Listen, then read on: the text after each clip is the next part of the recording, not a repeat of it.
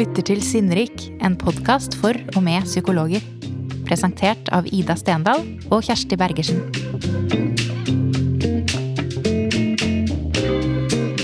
Forfatteren Umberto Eco skal ha sagt at en person som ikke leser, lever bare ett liv. Den som leser, lever 5000. Skjønnlitteraturen gir oss mulighet til å kjenne igjen følelser vi selv har kjent på, og til å sette oss inn i hvordan andre mennesker opplever verden. Det er kanskje ikke så rart at mange psykologer interesserer seg for skjønnlitteratur, eller at mange skjønnlitterære forfattere er opptatt av psykologi. Og det kunne vært fint å snakke litt om. Det er jo veldig sånn gjenkjennelig fra terapirommet. En, ting, en som er spesielt opptatt av berøringspunktene mellom psykologi og skjønnlitteratur, er psykologspesialist Eivind Nordmann Eide. Blir man møtt på en måte hvor reaksjonene ikke blir gyldiggjort. Han har gitt ut boka 'Skjønnlitterære selvmord' hos Pax forlag, der han ser på hvordan mennesker i selvmordsrisiko beskrives i litteraturen, og hvordan man kan trekke paralleller til ekte mennesker i selvmordsfare. Eh, jeg var opptatt av å vise fram alt det stygge som du kan gå og tenke på når du er ufrivillig barnløs. Ane Barmen er forfatter og skuespiller. I 2019 ga hun ut ungdomsboka 'Draumar betyr ingenting' her på Gyllendal. En bok som ga henne Brageprisen i kategorien barne- og ungdomslitteratur, og en nominasjon til Nordisk råds litteraturpris. I juli i år kom romanen 'Pappa var nesten på Woodstock', som behandler temaer som skam, ufrivillig barnløshet og vanskelige familierelasjoner. Jeg heter Kjersti Bergersen og er psykologiredaktør i Gyldendal. Til denne episoden har jeg invitert Eivind og Ane til å snakke om hvordan skjønnlitteratur kan gi trøst, selvinnsikt, og kanskje også gjøre oss til bedre terapeuter.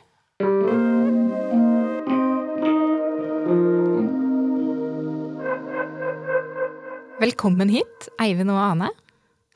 Aller først, Ane, fortell litt om din inngang til å skrive 'Pappa var nesten på Woodstock'. Ja, um, da jeg um, for noen år siden begynte å prøve å bli gravid sjøl, så uh, oppdaga jeg og mannen min fort at det gikk ikke så greit. Uh, og det viste seg etter hvert at vi trengte hjelp til det. Uh, og det var en veldig, veldig vanskelig periode i livet. Og som jeg ofte gjør i livet når det butter, så prøver jeg å finne bøker som handler om noenlunde det samme. For det, du får noe ut av bøker som du ikke helt får av TV-serier eller filmer, syns jeg. Så jeg gikk på biblioteket og leita etter eh, skjønnlitteratur om temaet, og fant absolutt ingenting. Og da eh, tenkte jeg som så at når jeg en vakker dag er ute av dette her, eh, og vondelig har overlevd, da skal jeg bruke dette eh, og skrive om det. Mm. Så det er litt derfor jeg har skrevet denne historien jeg har gjort. Mm. Så det var en, en søken etter et slags fellesskap i litteraturen? Ja. Et eller annet å speile seg litt i, og noe å få kjenne seg igjen i. For jeg følte meg så forferdelig aleine. Um, og ja, det er så stusslig når du føler at du er den eneste i hele verden som sitter og er mislykka og ikke får til å lage unge. um, og, og, den gangen var det heller ikke så mange som snakka om det offentlig, syns jeg. Heldigvis har det blitt mer av det de siste åra. Men um, sånn rundt 2014-2015 så syns jeg det var veldig stilt. Um, og da eh, Ja, når du ikke kjenner noen heller som driver med det samme, så Ja, da blir det litt sånn at en kjenner på den ensomheten. Og da hadde det vært veldig fint med en bok. Så nå har jeg prøvd å skrive den boka jeg sjøl skulle ønske var der. mm. Høres dette kjent ut, Eivind? Den følelsen av at man er den eneste som sliter med de vanskelige følelsene man sitter med? Ja, det tror jeg høres kjent ut. Både, det kan, jeg kan jo kjenne det igjen selv, og jeg tenker veldig mange kan kjenne det igjen. og Det er jo et veldig godt utgangspunkt for å skrive en fortelling som dette. Eh, som eh, du forteller nå, eh, syns jeg. Og jeg kan også gjenkjenne at det, det er ikke altså, Den offentlige samtalen rundt dette har kanskje endra seg noe, men den har jo vært, sånn som jeg hører det, sånn ganske fraværende. Og ikke minst få denne innifra-fortellingen. En ting er å få høre overskriften. Mm. At en uh, strever med å få barn. Men alle de nyansene og uh, sammensatte følelsene og reaksjonene og tankene som er knytta til det, som kommer veldig godt fram da, i denne romanen, det har ikke jeg lest andre steder. Og heller ikke hørt så mye snakk om. Uh, Nei. Du ser vel mer sånn, som du sier, overskriftene. Den og den kjendisen eh, forteller at de har slitt med å bli gravide. Mm. Uh, men du får ikke alle de skjetne, svarte, mørke tankene som du kanskje kan bale litt med ja. i enerom. Ikke sant? Og, tenker, og, det er jo selvfølgelig altså vi, har, vi er vel disponert for å få barn. så, så det melder seg et behov for de fleste på et eller annet tidspunkt i, i, livet. Men så er det noe med kulturelle forventninger her som også kommer fram. Man ser de rundt seg kanskje etablere familier.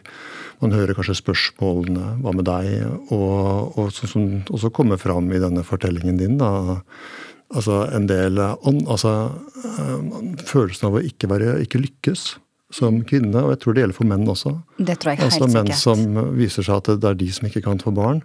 Så tror jeg nå de samme følelsene kan eh, melde seg i veldig sterk grad. Mm. Ja, det er noe med at det rokker litt ved kvinneligheten din, eller mm. mannligheten din. Ja. For det er på en måte Det er jo liksom derfor vi er her, og det, det er jo det enkleste du skal få til. Um, jeg skriver jo òg det i boka, at mm. uh, Ruby tenker at sjøl apekatter kan bli gravide. Uh, og folk som drikker seg drita på fest, blir gravide. Um, Mm. Mens vi som prøver så hardt og er så skikkelige og har gjort alt riktig, vi får det ikke til. Mm. Um, så det er noe med den derre uh, Ja, dette burde jeg få til. Det er forventa av meg, og jeg forventer det av meg sjøl. Mm. Og så går ikke det. Mm. Dette er jo veldig sånn nære beskrivelser i romanen din. Uh, og, og det, er en tydelig sånn fortvilelse som ligger til grunn, men også skrevet med sånn som, nærmest sånn, sånn galgenhumor. Sånn som jeg leser det. Altså, det er jo mm. ganske sånn uh, det, det, det, er ganske sånn både treffende og liksom kraftfulle beskrivelser som kommer fram her. Jo, takk. Ja. Jeg eh, har jo prøvd å skrive det med litt humor, men det ja. var jo mye fordi at jeg brukte jo humor mye personlig som overlevelsesteknikk. Mm. For det, hvis du ikke kan tulle med det, så mm. Eh, går du under, tror jeg.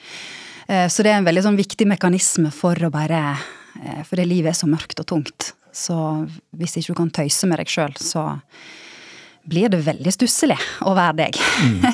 så det har jeg prøvd å overføre til boka òg. Ja, det gir liksom dobbel leseropplevelse. Altså, det er jo klart uh, et vanskelig tema som blir beskrevet, men også driver jo leseren liksom framover i denne måten å håndtere det på. Det smitter over på, på mm. for meg som leser, akkurat mm. det grepet, da, eller den måten å forholde seg til det på. Ja, og så tenker jeg òg sånn rent skriveteknisk at det er ganske mørkt. Jeg skriver om det med en del sånn mørke tema. Ja. Um, og for at leserne skal få litt pause og få lov til å puste mm. litt innimellom, så må du faktisk ha litt humor. Og mm. folk, det hjelper til at, at leserne slapper mer av, og at de faktisk har lyst til å være med deg videre ja. i historien. Ja.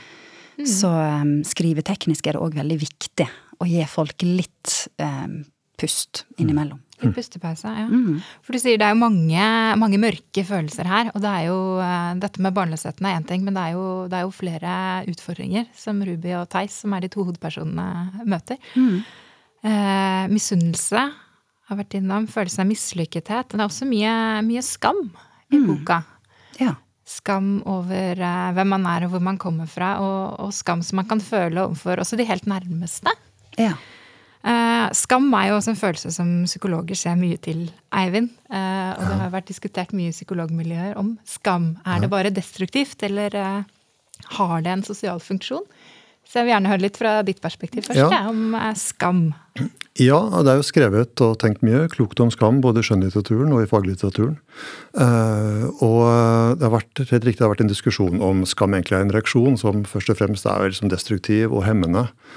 Uh, og for ødeleggende for vårt forhold til oss selv og andre, eller om den også har en funksjon knyttet til uh, sosial tilpasning, kan man kanskje si. Og jeg tenker jo altså skam i moderate og episodiske former, uh, hvor den verken Eller hvor den tåles og håndteres uten at den undertrykkes eller overvelder oss helt, har en funksjon knyttet til tilpasning. da.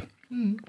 Eh, for eh, altså skam er jo knytt, handler, er en sånn relasjonelt orientert følelse som handler mye om andres blikk, forestillingen om hva andre tenker om oss. Uh, og som hjelper oss. altså Hvis jeg er på en fest for eksempel, eller selskapet gjør meg morsom på andres bekostning og forteller en vits, for eksempel, og ingen ler, og kanskje rister litt på hodet, og som, sånn nonverbalt kommunisert med at dette var kanskje litt over streken, så vil jeg føle meg litt dum. Det er skam. Ja, det, da vil kanskje rødme litt, få lyst til å liksom senke blikket. Uh, unnvike oppmerksomheten. Skjønne at nå gjorde jeg noe som var litt dumt. Og det er kanskje helt ok og normalt å reagere på det. Man kan jo si at man får skyldfølelse også fordi man gjør noe galt overfor en annen. Men her tror jeg det er skammen som kommer inn og, og um, holder meg liksom tilbake. Mm. Og, og, på denne måten så tenker mange uh, i fagmiljøet, altså jeg, at, uh, at um, moderate former for skam hjelper oss med sosial tilpasning og justerer oss litt, og kanskje bidrar til at vi ikke blir avvist av flokken eller gruppen. Og det å bli utstøtt var i tidligere tider i verste fall forbundet med død. på en måte. Mm. Mens Ruby kjenner jo på ganske mye skam, og det er kanskje mer av den destruktive sorten. Vil du fortelle litt om uh, hvordan hun skammer seg, eller hva hun skammer seg over? Ja. Um, jo, for jeg syns skam er en utrolig spennende følelse å uh, grave i. For den er så grumsete, og det er så flaut å skamme seg, på en måte. Mm. Men vi gjør det jo hele mm. tida, uh, og rundt mange ting. Uh, og som du sier, så er jo dette her av den mer destruktive sorten. Fordi hun føler at hun ikke er ekte kvinne, og hun har høye forventninger til hva hun skal få til, og når hun ikke får det til, så gjør det veldig vondt. Eh, og i tillegg så skammer hun seg over bakgrunnen sin. At hun kommer fra en eh, familie som eh, sosioøkonomisk på en måte ikke er på topp. Og hun har en far som har vært periodedranker store deler av livet. Og så går Theis og skammer seg mye. Faren hennes. Han skammer seg jo forferdelig over alkoholmisbruket sitt, men han evner ikke helt å gjøre noe med det. Eh, og han òg skammer seg litt over sin bakgrunn og alt det han ikke har fått til i livet. Så eh, det er på en måte en følelse som er med begge hovedpersonene i stor grad. Mm. Ja, og der virker det som at skam blir en veldig sånn både smertefull og destruktiv følelse som gjør noe med Rube sin følelse av eh, egenverdi og mm. nederlaget knyttet til å ikke få barn, f.eks. Mm tenker du, uh, og I denne forstand så er jo skam ganske ødeleggende. tenker jeg, Og kan fargelegge veldig mange opplevelser. slik at det som for andre situasjonen som for andre ikke er så flau eller skamfulle, blir for henne ganske, skam, ganske uh, mye preget av skam. da. Mm. Uh, men, og her, for Du skriver, har en sånn parallellhistorie her med da pappaen. Som du ja, som har også sine grunner for å skamme seg. Tenker du kanskje et litt ledende spørsmål, men tenker du at, at eh, den bakgrunnshistorien til Ruben, hvor mye spiller den inn? Knyttet til hvordan hun opplever f.eks. ufrivillig barnløshet, som jo også utgjør et sånt kulturelt tabu som jeg var inne på i stad her. Mm. Jeg veit ikke om den har så mye med det å gjøre. Jeg tror en veldig fint kan skamme seg over eh, eh, barnløshet uansett hva bakgrunn en har. Mm. Men det hjelper hun jo definitivt ikke. Fordi hun eh, har gjort ei klassereise, hun mm. har tatt høy utdanning. Det er det ingen i familien som har gjort før. Mm. Eh, og hun er veldig opptatt av å oppnå og klare å være flink. Fordi hun så ofte har følt at hun ikke er det, og ikke er noe å vise fram. Um, og da kommer på en måte den barnløsheten på toppen av alt, da. Fordi hun ser på det som at jeg har tatt utdanning, jeg har fått en bra jobb, jeg har funnet en bra mann, vi har leilighet, vi har bil. Alt er på plass. Og nå er det liksom krona på verket. Nå er det den egne familien som skal stiftes. Og så klarer ikke hun det. Så um, bakgrunnen er nok ikke nødvendigvis avgjørende for den skamfølelsen, men uh, den er definitivt med. Ja, dette vil hun. Dette er noe man kan skamme seg over, uavhengig av det. Men ja, det tror jeg nok. kan være med henne likevel. Ja. ja. Det er interessant, Du nevnte misunnelse i stad. Det er jo kanskje en sånn skam over det å bli misunnelig på andre også? Ja. Det er så usexy å gå og være misunnelig på ja, andre. Det tror jeg er en ganske sånn tabubelagt følelse i vår Veldig, kultur også. Ja. ja. Mm. Eh, og det er jo mye derfor jeg skriver om det òg. Fordi at um, jeg var opptatt av å vise fram alt det stygge som du kan gå og tenke på når du er ufrivillig barnløs. Og du har jo ikke lyst til å gå rundt og være sjalu på venner som bare lever livet sine, og de har jo ikke gjort noe gale. De bare får unger og ja, går videre, på en måte. Men så blir hun Ruby sittende igjen da, og stange hodet i en vegg uten å komme seg noen vei. Og da er det veldig lett å bli veldig misunnelig på de som bare tilsynelatende popper ut unger uten problem. Mm. Hun er misunnelig av veldig mange gode grunner. Ja. Men det er så vanskelig å snakke om, og det tenker jeg er så gjenkjennbart mm. i kulturen vår. Ja. At det, det, er noe som tar seg ned og skulle Det er som om man ikke unner andre noe, eller mm. Men så naturlig. Det er jo det. Å følge det, tenker jeg. Mm. Og så syns jeg det er så veldig ofte når litt sånn delvis kjente folk snakker om ufrivillig barnløshet offentlig, så er de veldig opptatt av å understreke at de ikke er misunnelige. Eller de er veldig sånn rause og 'Nei, men jeg unner alle å få unger. Jeg skulle bare så gjerne ønske jeg hadde det sjøl.' Og tenker jeg ja ja, det må nå være lov å si at du er litt sur og bitter. Jeg tenker det må være lov til å være Ja, ja. litt grann bitter innimellom over det. Og da er kanskje skjønnlitteraturen et bedre forum å si det. Det er kanskje lettere å skrive Ja. det i en skjønnlitterær bok i en roman Absolutt. Eh, enn å si det i et intervju i Se og Hør eller Ja, det er jo det. En vil jo ikke helt stå for at en er misunnelig. Nei. Nei, det er vanskelig.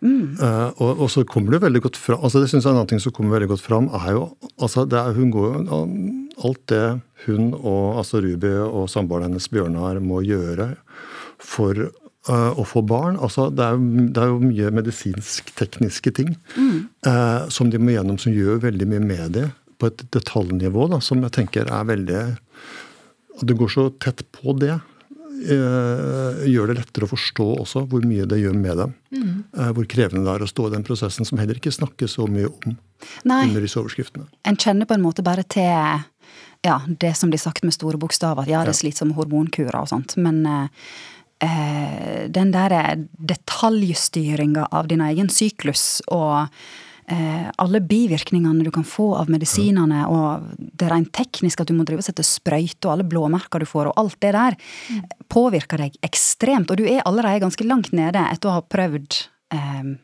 fruktløst å bli gravid så lenge. Ja.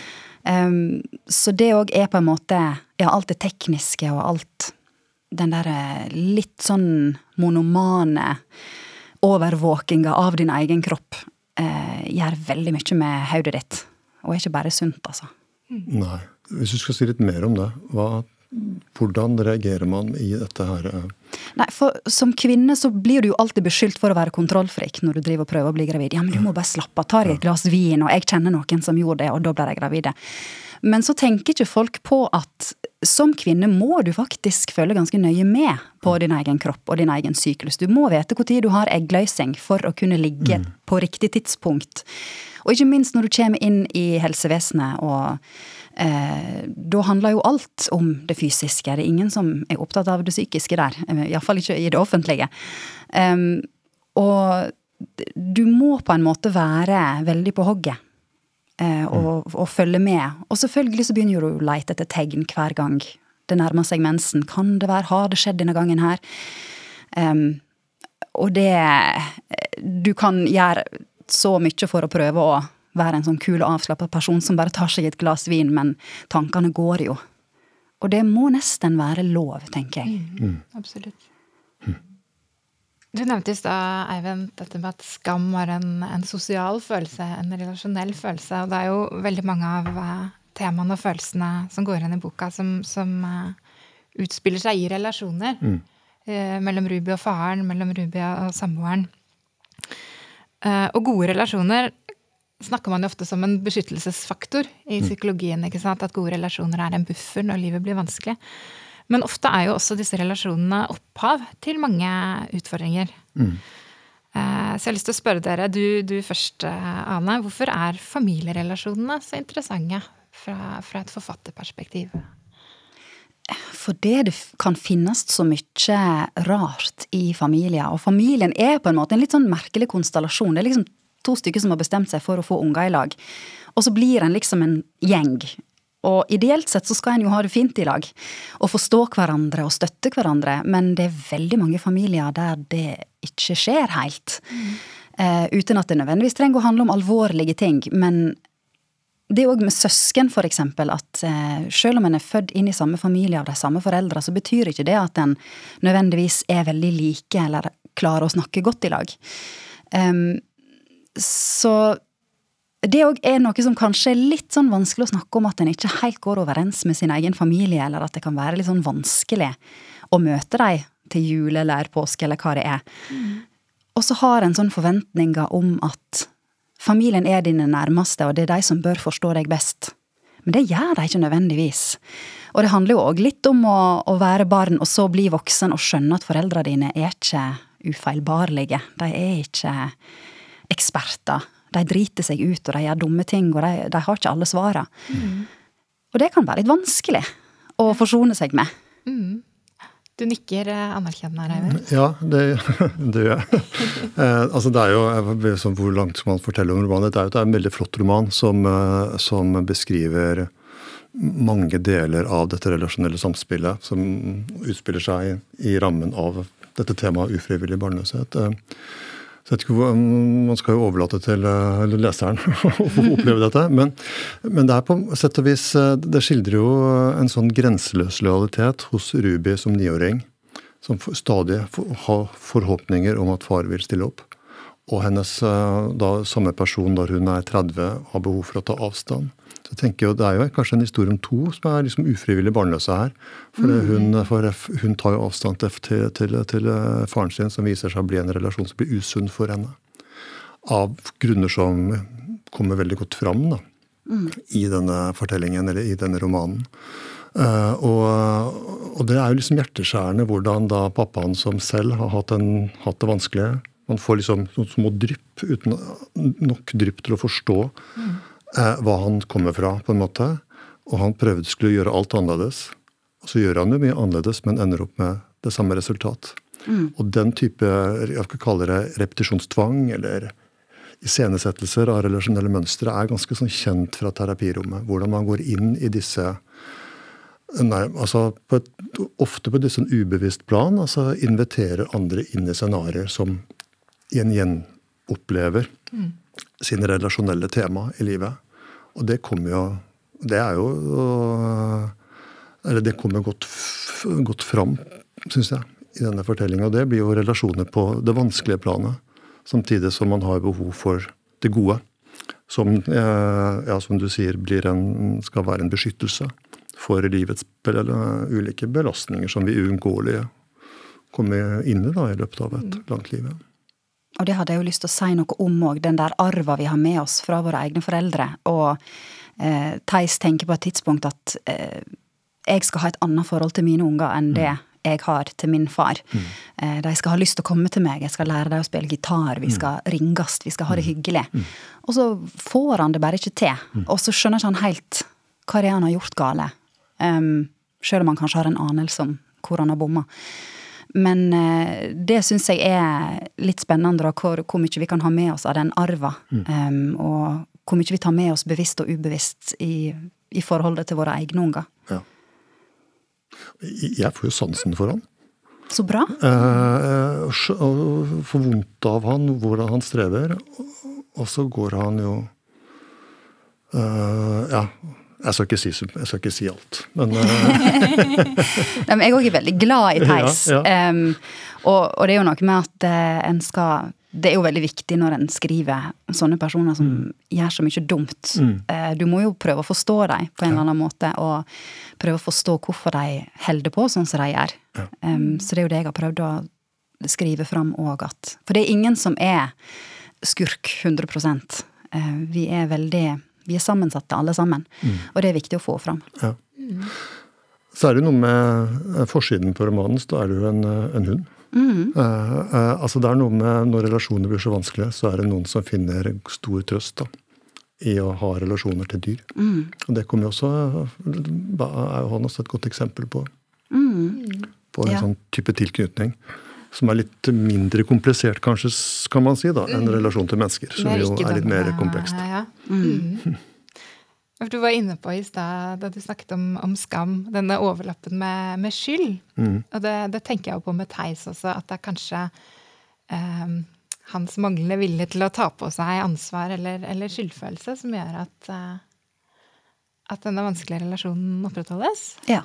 ja. Det er det ingen tvil om. Mm. For det, hun Ruby trenger veldig at faren bare anerkjenner at 'jeg har ikke vært den faren du skulle ha hatt'.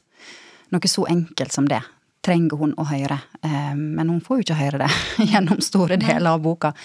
Og da fortsetter det jo å være vanskelig, for hun får ikke den unnskyldninga hun eh, egentlig trenger. Mm. Det, det, slo meg jo at det, det, handler jo mye om forsoning her. Både det å forsone seg med tingene sånn som de er, men også det å skulle klare å forsone seg med hverandre, selv når eh, relasjoner har vært vanskelige over lang tid. Mm. Vil du si litt om, eh, om, det som tema? Ja, jeg har tenkt at dette her er en bok som kanskje djupest sett handler om å tilgi. Mm. Eh, om å tilgi seg sjøl for at du eh, mislykkes i hermetegn, eller at du ikke er den du gjerne skulle ha vært. Eh, og, og tilgi de rundt oss som kanskje ikke har behandla oss på den måten de burde. Men eh, så kan, må en prøve å forstå hverandre og eh, Selv om folk behandler deg dårlig, så er ikke det nødvendigvis vondt meint. Det kommer ikke nødvendigvis fra noe som, som du har gjort, eller noe de har meint å gjøre mot deg. Så ja, det med å tilgi og forsone seg er, tenker jeg egentlig er hovedtemaet her. Mm. Vi snakket litt om i stad dette med at noen ting kan det være lettere å ta opp i skjønnlitteraturen enn i andre sjangre eller andre fora. Eh, og så har vi snakket litt om eh, dette med å lese bøker som psykolog. Mm. Blir man en bedre psykolog av å lese skjønnlitteratur? Eller altså, hva, hva, får man som psykolog ut av å lese bøker? Ja, det er mange psykologer som i hvert fall leser bøker. Eh, og jeg kan svare litt utfyllende på det. for, eh, for um, jeg tenker at det handler litt altså, ja, Skjønnlitteraturen kan berike oss eh, med perspektiver som vi ikke nødvendigvis har klart for oss, og med måtte, opplevelser og erfaringer som ikke er så tilgjengelige nødvendigvis i faglitteraturen. Eh, det er jo liksom man kan jo si at Det er noe skjønnlitteratur som har nærma seg faglitteraturen. Liksom, altså, såkalt virkelighetslitteraturen går i retning av det selvbiografiske. og Det fins fortellende sakprosa. Eh, som f.eks. Eh, Jan Grue som skriver om at jeg lever et liv som ligner deres, altså som ikke er fiksjon. Mm. Men, eh, men, når det kommer til skjønnlitteratur, så, så, så, tror jeg at den kan bidra med perspektiver som Eller på en måte fortelling innenfra. Å fortelle om opplevelser og relasjoner mm, hvor vi kan forstå noe som er ulikt oss selv. da. Eh, og så kan skjønnlitteraturen bidra til å sette ord på noe som er liksom språkløst. Man ikke har tenkt på. Man, måte, for jeg, jeg, som kan gjenkjenne Å, det, sånn kan det være. Mm, mm. Den opplevelsen kan jeg få når jeg leser romaner. At jeg setter ord på noe som jeg har hatt en fornemmelse av. Som jeg ikke helt klarer å, sette, å forstå med språket mitt. da. Uh, og da er det jo noen romaner som gjør dette bedre enn andre. Så for å være litt streng, da, så tror jeg liksom, psykologisk orienterte romaner er mer på en måte egna for dette enn en del liksom, handlingsorienterte romaner. Det er mange grunner til å lese bøker, så man får lese bøker eh, ut fra de ulike grunnene man har. Men akkurat noen romaner tror jeg gjør dette mer enn andre. Eh, og så kan man jo lure på om kan vi ikke få dette ved å snakke med folk. F.eks. i terapirommet. Altså Hvilke terapeutiske samtaler bidrar til noe av det samme. Og ja, det kan det ha vært til en viss grad, men romanens evne til å fortette et budskap, og til å kanskje formidle noe som altså Det er jo en del eh, ubevisst og bevisst unngåelse av viktige temaer i terapirommet også, som jeg tror skjønnlitteraturen også kan skape et språk, et rom for å snakke om. Da. Og det eksempel altså det eh, temaer som vi snakker, som kommer fram i romanen 'Pappa var nesten på, på Woodstock', f.eks. Og så er det jo hvorvidt eh, psykologene, jeg som psykolog, eh, klarer å bruke dette til det beste for pasientene. Det kommer jo til slutt da an på meg og den enkelte psykolog, tenker jeg. Mm. Tusen takk, Anne og Eivind. Tusen takk for oss. Ja, tusen takk. du har lyttet til Sinnerik, en podkast fra Gyldendal Psykologi. Dagens gjester var Ane Barmen og Eivind Normann Eide. Musikken er laget av Johannes Amble. Produsent var Sunniva Glessing, og programleder har vært meg, Kjersti Bergersen. Gå inn på våre nettsider og meld deg på vårt nyhetsbrev.